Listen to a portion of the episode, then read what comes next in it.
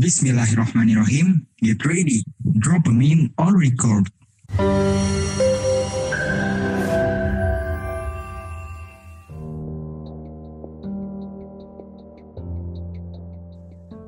Ya, Bismillahirrahmanirrahim. Assalamualaikum warahmatullahi wabarakatuh. Halo Sobat Dropa di mana pun kamu berada. Selamat datang di podcast Dropamin by Rohis KUF Kaundip. Insya Allah pada hari ini kita masuk ke dalam segmen Ngopi Kui. Apa itu Ngopi Kui? Ngopi Kui adalah segmen yang membahas tentang isu, isu-isu terkini yang berada di dalam di sekitar kita. Dan kali ini dengan saya Mahardika Rafif yang akan memandu pembicaraan pada malam hari ini. Dan pada malam hari ini topik yang kita angkat sangat menarik ya teman-teman. Jadi kita akan membawakan topik tentang yang sedang hangat di kalangan mahasiswa saat ini yaitu tentang uang kuliah tunggal atau UKT. Ini pasti teman-teman udah pada penasaran juga nih. Dan kali ini kita bersama salah seorang narasumber yang pastinya sudah berkompeten di bidangnya yaitu Raffi Ilmansyah. Selamat datang Raffi. Selamat datang Rafif. Uh, terima kasih uh, sahabat Dropa atas uh, sambutannya ya. Uh, dan juga oh. sudah mengundang aku di uh, podcast Dropamin ini. Mantap. Sip, sip. Jadi Raffi ini atau Raffi Ilmansyah ini adalah seorang ketua bidang dari bidang Kesma atau Kesejahteraan Mahasiswa dari Badan Eksekutif Mahasiswa FK Undip atau BEM FK Undip 2020. Dan saat ini sedang apa Vi kesibukannya Vi?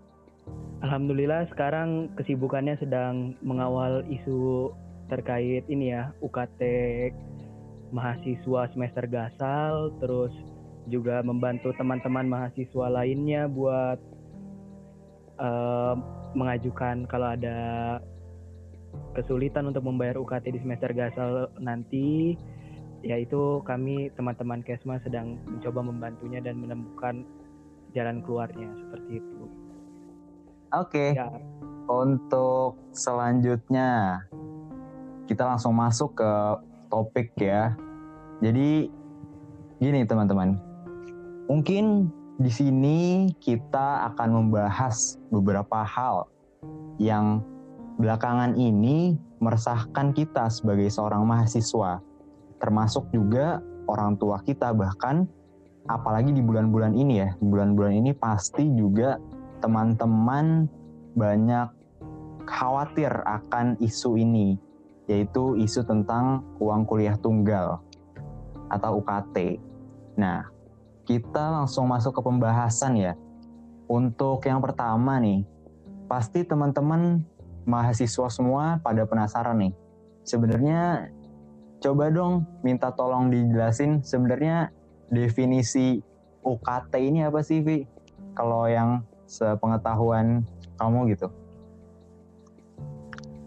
Ya, jadi di sini aku mau ngejelasin dulu ya uh, eh, UKT itu apa. Jadi sebenarnya uh, sebelumnya itu pembayaran di universitas atau di perguruan tinggi negeri itu pembayarannya nggak kayak sekarang yang menggunakan uh, uang kuliah tunggal. Nah, uang kuliah tunggal ini kenapa sih diciptakan dan juga di, uh, diterapkan di hampir seluruh universitas yang ada di Indonesia? Karena tuh sebelumnya ada banyak keresahan dari mahasiswa dan juga orang tua mahasiswa kalau seandainya membayar dengan sesuai SKS dan juga ada biaya-biaya tambahan lainnya, itu akan memberatkan orang tua mahasiswa untuk membayar uh, biaya perkuliahan tersebut. Jadi akhirnya pada saat itu ada Menteri uh, Ristek Dikti kita uh, mencoba memberikan sebuah gagasan. Bagaimana kalau seandainya biaya praktikum, biaya menggunakan uh, biaya kuliah dan juga SPP dan kawan-kawannya dijadikan dalam satu perhitungan dijadikan dalam satu perhitungan lalu di, di, di, dibayarkan untuk satu semester selama satu semester itu sekali. Nah besarannya itu ditetapkan uh, dibuat menjadi beberapa golongan dari dari golongan terendah hingga golongan tertinggi. Tujuannya apa? UKT ini uh, selain untuk mempermudah dan juga menyesuaikan keadaan ekonomi orang tua mahasiswa yang ada di perguruan tinggi tersebut, uh, uang kuliah tunggal ini juga bisa membantu uh, semacam subsidi silang gitulah bahasanya. Jadi teman-teman kita yang mendapatkan UKT golongan tertinggi itu bisa membantu secara tidak langsung untuk teman-teman kita yang mendapatkan golongan terendah uh, ataupun di golongan yang menengah juga bisa diberikan uh, subsidi silang dari teman-teman kita yang mendapatkan golongan UKT tertinggi seperti itu, Viv. Mantap penjelasannya. Dan oke, okay, kita masuk ke pertanyaan selanjutnya nih. Mungkin ya, kan kita udah masuk kuliah sekian semester dan mungkin ada juga yang masih baru. Dan dan tiba-tiba ada pandemi gitu kan. Kita dihadapkan pada kondisi pandemi. Pandemi virus covid virus virus corona atau covid-19 nah uh, untuk spesifiknya nih kan kita berada di Undip nih Universitas Diponegoro Kira-kira di masa pandemi seperti ini, gimana sih kebijakan UKT dari Undip sendiri? Nah, jadi dari Undip sendiri udah mengeluarkan beberapa kebijakan yang tujuannya itu uh, ada yang memudahkan mahasiswa, tetapi juga ada beberapa kebijakan yang kemungkinan yang dilihat dari sisi pandang mahasiswa itu merugikan mahasiswa. Misalnya nih ya, kita mulai dari yang baik-baik dulu.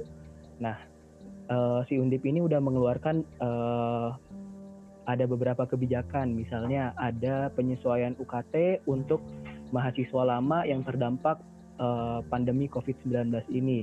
Jadi di situ uh, penyesuaian UKT-nya berupa apa? Si mahasiswa tersebut bisa mengajukan penurunan golongan UKT, penundaan pembayaran UKT, atau mengajukan pembebasan pembayaran UKT dikarenakan uh, orang tuanya di PHK akibat pandemi ini atau usaha yang dijalankan oleh orang tuanya menurun atau pendapatan yang seharusnya stabil uh, yang awalnya stabil menjadi tidak stabil dikarenakan pandemi Covid-19 ini.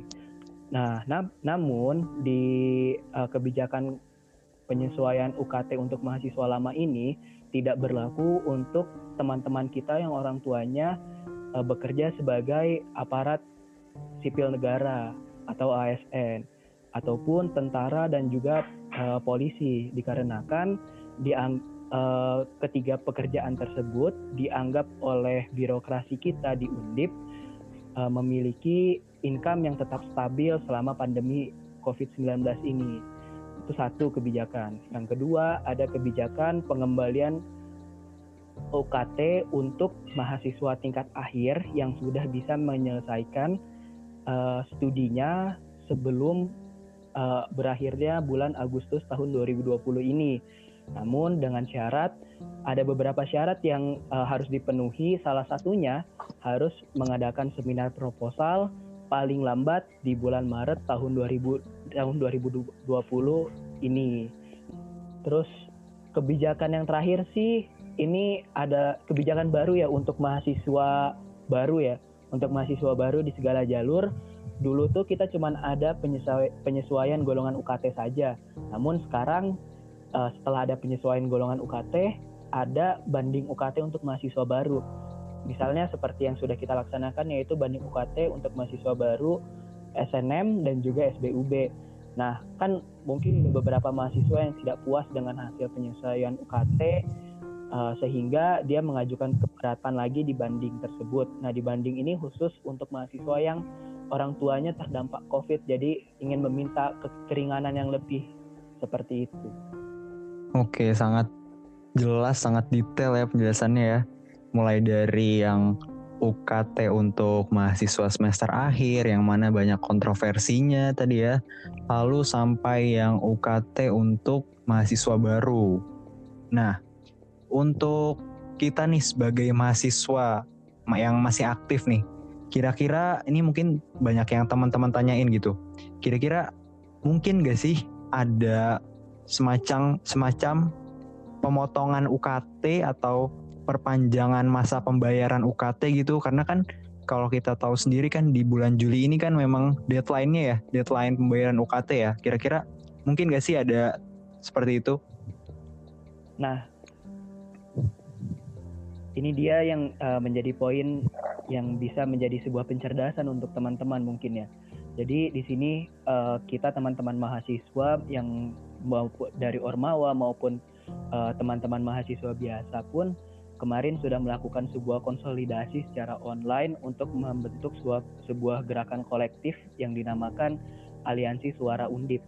Nah, Aliansi Suara Undip ini digun, uh, adalah sebuah gerakan kolektif yang untuk menuntut uh, apa ya beberapa uh, ketidakadilan yang terjadi di uh, di tengah masyarakat uh, di tengah mahasiswa uh, Universitas Diponegoro di tengah pandemi COVID-19 ini.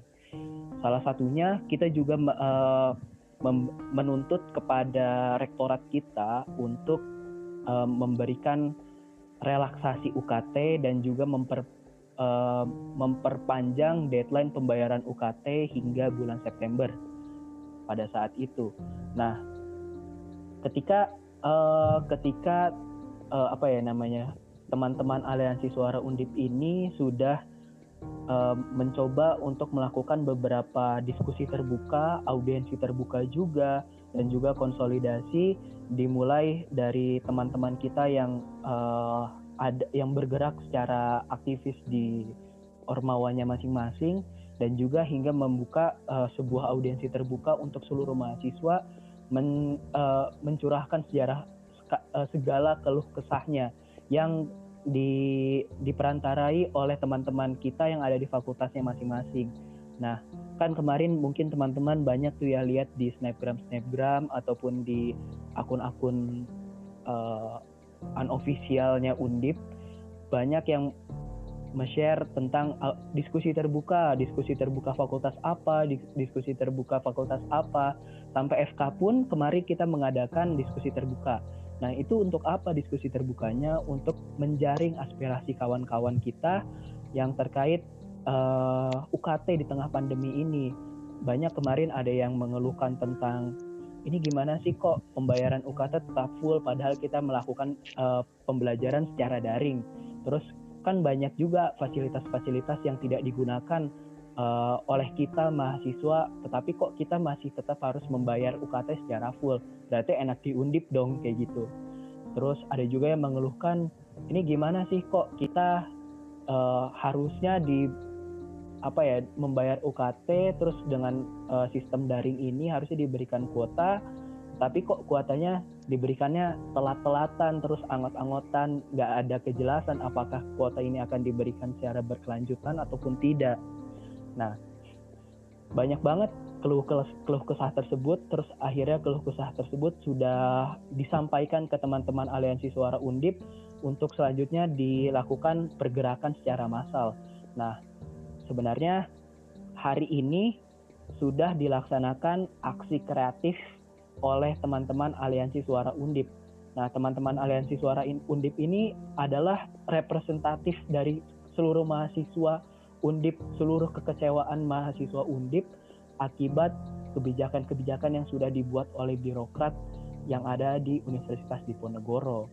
Nah, aksi tadi itu uh, bukan aksi yang ricuh ya kawan-kawan ya. Kita udah ketinggalan zaman banget lah kalau kita aksi bakar ban, aksi coret-coret uh, fasilitas umum itu udah ketinggalan zaman banget. Di sini kita menggunakan aksi kreatif di mana kita membuat uh, sebuah adegan teater, terus kita membuat uh, mural. Muralnya bukan di tembok di fasilitas umum Undip ya. Kita menyediakan uh, tripleknya sendiri, kita membuat uh, mural di situ, terus kita memberikan selebaran-selebaran poster-poster uh, kreatif tentang uh, apa ya tentang bercandaan tentang kebijakan yang sudah dikeluarkan oleh uh, birokrat kita dan juga tanggapan birokrat kita terhadap uh, tuntut kita layangkan seperti itu. Oke, menarik sekali nih. Nah, tadi menyinggung tentang kuota sedikit ya. Nah, sebenarnya kalau dari kebijakan kuota sendiri ini mungkin banyak teman-teman yang penasaran juga sebenarnya kuota ini turunnya berapa bulan sekali dan memang sejauh ini dampaknya cukup terasa nggak sih bagi mahasiswa? Dan ada nggak sih evaluasi dari kebermanfaatan kuota tersebut dari pihak undipnya sendiri? Atau memang uh, asal kasih aja gitu udah uh, habis ngasih kuota habis itu ditinggal gitu cuman sebatas memberi kuota doang gitu? Atau kayak gimana tuh Vi? Jadi itu sebenarnya uh, kuota ini adalah se adalah salah satu poin tuntutan yang sudah di udah direalisasikan oleh uh, oleh birokrat kita. Kan sebelumnya kita udah pernah me melakukan aksi online ya yang uh, yang upload Twibbon bareng-bareng dengan hashtag undip kok jahat sih. Dengan beberapa tuntutan ada empat poin tuntutan. Yang yang salah satunya itu memberikan kuota untuk seluruh mahasiswa undip.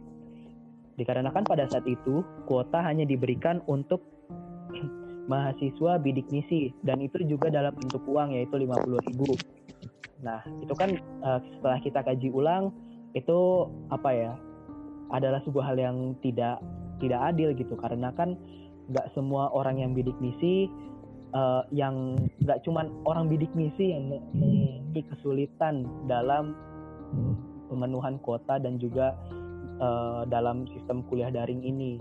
Akhirnya sudah diaminkan nih sama rektorat sudah diberikan kuota 10 GB untuk beberapa provider tertentu uh, kuota 10 giga ini pemberiannya dan juga pendistribusiannya kepada mahasiswa dinilai oleh pihak mahasiswa itu cukup lambat dan juga ada beberapa keluhan lagi dari teman-teman undip bahwa kuota 10 giganya itu tidak full untuk kuota internet. Nah, ini yang menjadi sebuah ketimpangan juga dan juga menjadi sebuah evaluasi kita ya. Karena pada saat ini ketika kita sudah mulai memfollow up kepada rektorat, apakah hal yang kita hal kuota ini perihal kuota ini yang diberikan oleh rektorat kepada mahasiswanya akan dijalankan terus menerus selama bulan uh, setiap bulan selama pembelajaran daring hingga tahun 2021 nanti kan 2021 baru selesai kita daring. Atau hanya sekedar diberikan selama satu bulan kah atau selama tiga bulan kah? Nah itu sudah kita coba follow up ke rektorat dan juga ke bagian yang bersangkutan, namun masih belum menjela namun masih belum mendapatkan jawaban yang secara pasti. Uh, mereka hanya menjawab seperti ini ya, uh, mungkin deh seharusnya ya kalau kalian udah bayar ya akan kami berikan uh, kuota setiap bulan lah gitu. Jadi sehingga pada saat ini kita bisa berhusnuzon lah kepada birokrat kita kalau kuota yang diberikan oleh pihak Undip ini akan diberikan setiap bulannya dengan jum dengan kuota yang sama yaitu 10 GB. Namun untuk tanggal pemberiannya ya kita uh, kita diharapkan untuk bersabar untuk menunggu pada saat bulan itu. Gilirannya kita akan didapatnya di tahap keberapa seperti itu.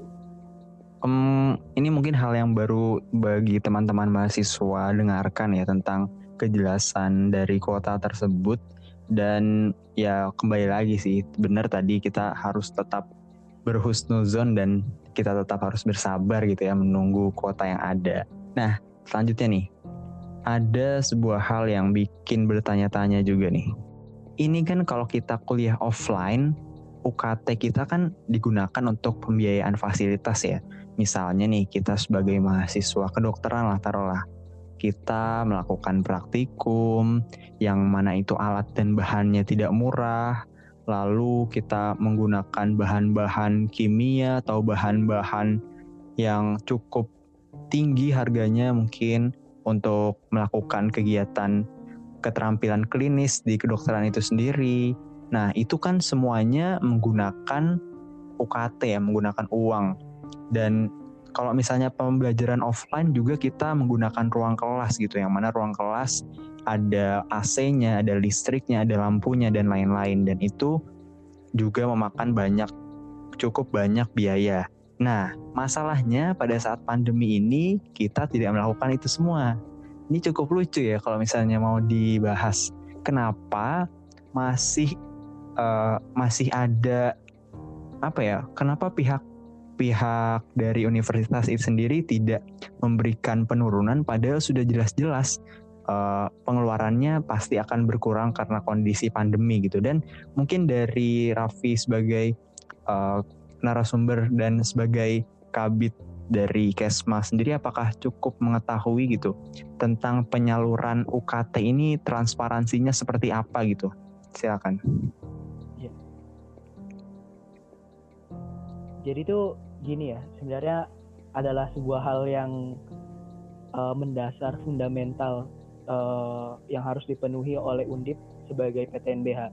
Untuk teman-teman mungkin yang belum tahu PTNBH itu apa, perguruan tinggi berbadan hukum di mana uh, perguruan tinggi yang sudah berbadan hukum ini, contohnya Undip, UI, UGM, Unhas dan IPB itu memiliki haknya untuk mengatur rumah tangganya sendiri di mana dia bisa mem, uh, mengandalkan sektor lain untuk uh, menjadikan sektor tersebut sebagai pemasukan uh, untuk universitasnya sendiri. Dan juga uh, diberikan kewenangan untuk membuka badan usaha badan usaha uh, milik uh, undip tersebut untuk uh, memenuhi uh, income dari si undip. Nah, namun uh, PTNBH ini uh, harus tetap dilandasi oleh enam asas Nah, dan salah, dan salah satu asasnya yaitu transparansi. Namun, jika kita bisa melihat uh, track record Undip semenjak dia berubah menjadi PTNBH di tahun 2016, memang asas uh, transparansi yang diterapkan pada tahun 2016 tersebut sudah dilaksanakan dengan baik oleh Undip pada tahun 2016, pergantian ke tahun 2017 tetap diberikan transparansi penggunaan keuangan Undip. 2017 begitu juga, 2018 juga demikian. Namun, ketika 2018 berakhir, lalu berganti ke tahun uh, ke tahun 2019, di situ mulai ada beberapa penurunan dalam bidang transparansi ini. Nah, penurunannya seperti apa saja? Kita bisa melihat jika teman-teman ingin mencoba uh, mengetahui se seberapa terbukanya kah informasi publik uh, Universitas Diponegoro terhadap terhadap publik itu uh, bisa dicek teman-teman di website PPID Undip. Nah, website PPID Undip ini adalah uh, sebuah website yang mengandung uh, mengandung semua kebijakan-kebijakan yang sudah dibuat oleh Undip dari tahun ke tahun seperti itu. Nah, di sini salah satunya ada transparansi penggunaan dana. Nah, di mana transparansi penggunaan dana ini menjadi sebuah hal yang sangat krusial kan untuk uh, memenuhi asas fundamentalnya lah uh, sebuah universitas di Ponorogo sebagai PTNBH untuk menjadi uh, untuk memenuhi uh, kewajibannya. Nah, di 2018 ini Undip terlambat uh, untuk mengeluarkan transparansi. Begitu juga di tahun 2019 Undip sangat terlambat ketika sudah mengganti uh, ter, uh, sudah berganti tahun ke tahun 2020 tepatnya di pertengahan 2020 dia baru merilis tentang uh, transparansi penggunaan dana untuk yang tahun 2019. Di sini menjadi sebuah problematika adalah ketika kita teman-teman mahasiswa ingin mencoba mencari sebuah rasionalisasi membuat sebuah kajian akademis ter, uh, terhadap tuntutan kita untuk meminta diskon UKT pemotongan UKT di sini kan kita juga harus membuat semacam perhitungan lah kita nggak boleh asal nuntut aja gitu tapi kita juga harus membuat uh, perhitungan yang secara matematis bahwa si undip ini tahun ini tahun 2020 ini income-nya berapa pengeluarannya berapa, terus terdampak oleh COVID, apa saja income yang terpotong, apa saja pengeluaran yang berkurang dari Undip. Pada saat itu, teman-teman kita di Aliansi Suara Undip uh, menemukan sebuah kesulitan untuk mencari data tersebut. Namun, alhamdulillah, uh, Allah memberikan sebuah petunjuk uh, melalui seseorang. Nah, orang tersebut uh, bersedia untuk membuka beberapa informasi informasi terkait keterbukaan uh, penggunaan dana yang ada di Undip di tahun 2020 ini sehingga teman-teman mahasiswa sudah bisa merumuskan dan juga membuat sebuah policy brief. Policy brief itu adalah sebuah kebijakan yang kita yang kita apa ya yang kita buat dan juga ya, lalu kita layangkan kepada pihak uh, pihak birokrat untuk uh, dijadikan sebuah pertimbangan bahwa sebenarnya uh, pihak birokrat bisa mengambil kebijakan ini loh untuk uh, mensejahterakan mahasiswanya seperti itu. Dan di polisi brief itu kita uh, meminta relaksasi UKT hingga sebesar 50%. Dikarenakan setelah perhitungan yang, sudah kita buat pada saat itu tentang uh, biaya biaya yang bisa di-save oleh pihak uh, birokrat Undip itu benar-benar memang bisa sebenarnya save uh, bisa motong 50% dari UKT mahasiswa masing-masing mahasiswa di setiap fakultas yang ada di Undip sebenarnya dan uh, poin tuntutan itu juga sudah kita bawa ke aksi yang sudah kita lakukan suratnya dan juga uh, polisi briefnya itu sudah kita berikan kepada rektorat namun sampai sekarang uh, rektorat masih belum memberikan jawaban dan juga kepastian terkait hal-hal yang sudah kita perjuangkan selama ini seperti itu. Baik, siap-siap. Oke, jadi memang ya hal ini memang sudah banyak diperjuangkan namun memang katanya tadi dari pihak rektorat sendiri belum ada respon ya. Nah ini berkaitan dengan pertanyaan selanjutnya nih sebenarnya. Nah di sisa beberapa hari untuk deadline dari pembayaran UKT ini apa sih sebenarnya yang bisa mahasiswa lakukan? Apa saja gerakan mahasiswa yang sudah dilakukan mungkin dan apa yang bisa kita lakukan sebagai mahasiswa yang saat ini masih di rumah aja dan mungkin terutama bagi teman-teman yang tidak turun langsung untuk aksi apa sih bentuk apa uh, hal apa yang bisa kita lakukan untuk me, ikut turut menyemarakan perjuangan ini tapi juga tetap apa ya tetap bisa aman dan juga tetap bisa menyuarakan suaranya. Dan uh, satu lagi tadi berkaitan dengan pertanyaan sebelumnya, uh, apakah dari pihak rektorat sudah memberikan respon atas segala yang kita lakukan seperti itu? Silakan, mungkin dijawab. Nah, mungkin aku mencoba menjawab dulu ya untuk teman-teman mahasiswa nih yang uh, sekarang mungkin sudah mulai mengikuti uh, alur perkembangan dari isu yang sudah kita uh, yang ada isu UKT ini mungkin teman-teman uh, yang juga baru mendengarkan podcast ini dan juga baru tersadar ternyata ada isu uh, eh, UKT mahasiswa lama ini mungkin juga sekarang teman-teman mahasiswa bisa mengikutinya uh, lewat lewat official account dari aliansi suara undip bisa ditemukan di Instagram maupun di uh, apa namanya di di Twitter. Nah di situ ada sebuah link. Nah dari link itu bisa dilihat ada beberapa notulensi audiensi terbuka yang dilaksanakan dari semua fakultas. Jadi berupa ringkasan seperti itu, notulensi terbuka, konsolidasi terbuka, terus dan juga uh, audiensi terbuka terhadap rektorat dan juga bisa melihat uh, apa kebijakan yang sudah kita ajukan kepada pihak rektorat seperti itu.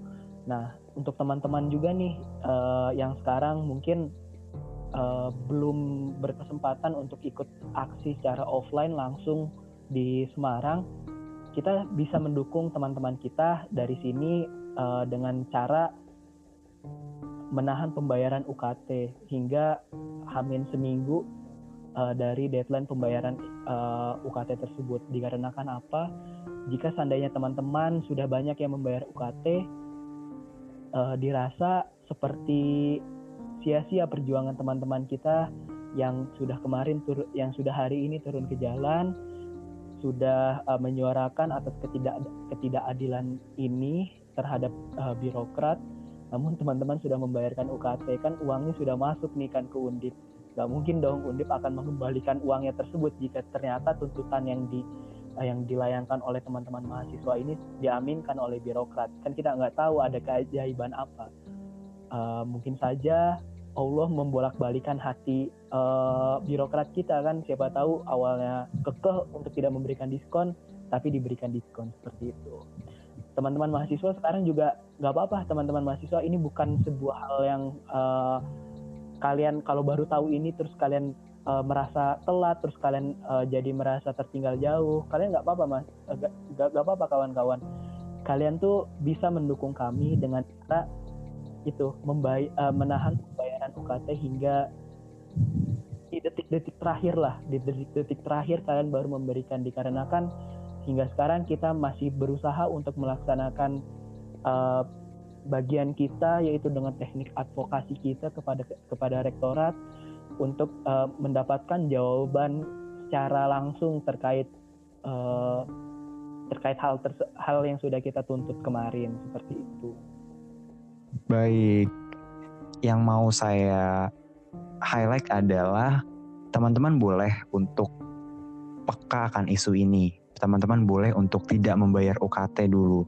Namun yang harus disadari adalah teman-teman jangan cuma ikut-ikutan asal ikut-ikutan tanpa mengetahui ilmunya atau kajiannya. Jadi uh, dalam Islam juga disebutkan ya bahwa seberapa penting ilmu itu dan selain kita harus mengamalkannya namun ilmu itu memang kita harus cari dan ketahui lebih lanjut gitu termasuk di dalam isu kata ini Jangan sampai kita melakukan aksi hanya asal melakukan saja karena yang lain melakukan. Tapi kita harus tahu juga ilmunya, yaitu melalui dari eh, kajian-kajian uh, yang dilakukan oleh teman-teman dari BEM ataupun teman-teman dari aliansi suara undip tadi dan itu harus kita pahami benar-benar baru kita bisa melaksanakan aksi tersebut. Nah, yang kedua yang harus di-highlight adalah bagaimana kita sebagai seorang mahasiswa tetap harus untuk bersabar ya. Dan bersabar dan juga mendoakan dari pihak rektorat sendiri. Dan semoga di sisa-sisa hari untuk pembayaran UKT ini terdapat kejelasan dan semoga saja dari pihak rektorat memberikan sebuah keringanan ya. Dan semoga Allah akan mudahkan bagi kita juga dan Allah akan memberikan segala sesuatunya dengan sebaik-baiknya pasti. Oke, ini kali ya. Kita tutup dengan mungkin closing statement dari Raffi sebagai ke sebagai salah seorang aktivis lah di bidang di bidang memperjuangkan UKT ini. Apa sih mau yang yang mau disampaikan? Apa yang diharapkan kepada teman-teman mahasiswa dalam menanggapi isu ini? Silakan dibuat closing statementnya.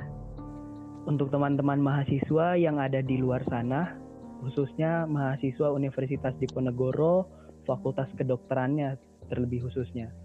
Teman-teman, jika kalian merasa tertinggal informasi akibat uh, akibat ketidaktahuan kalian sebelumnya, jangan merasa minder, jangan merasa mundur, dikarenakan UKT ini adalah kewajiban kita terhadap universitas.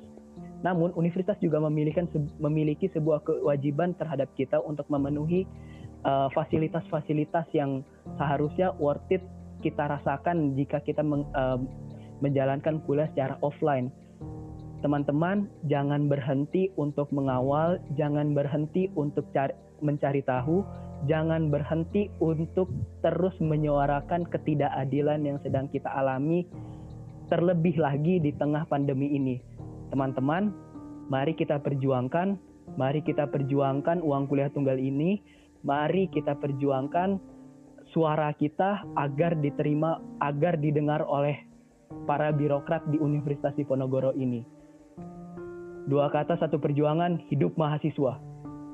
Hidup mahasiswa, hidup rakyat Indonesia. Oke, terima kasih kepada Raffi Ilmansyah, Ketua Bidang dari Bidang Kesma BMFK Undip 2020. Sangat menarik sesungguhnya pembahasan materi ini dan sudah cukup banyak informasi yang kita dapat dan mungkin kita sudah sampai di akhir pembicaraan pada hari ini. Terima kasih kembali lagi saya ucapkan kepada Raffi Semoga perjuangan yang sudah dilakukan senantiasa berbuah hasil dan insya Allah uh, Allah memudahkan jalan kita semua. Allah berikan keluasan hati untuk pihak rektorat untuk memberikan keringanan dan juga uh, semoga teman-teman yang berjuang diberikan selalu kesehatan dan kita pun selalu juga diberikan kesehatan oleh Allah Subhanahu wa taala. Amin amin ya rabbal alamin. Baik, mungkin kita tutup dengan sebuah pantun nih. Dengar dopamin sambil ketawa. Tiba-tiba dapat bonus kuota, Isu UKT harus diperjuangkan mahasiswa. tapi nggak lupa doa kepada sang pencipta.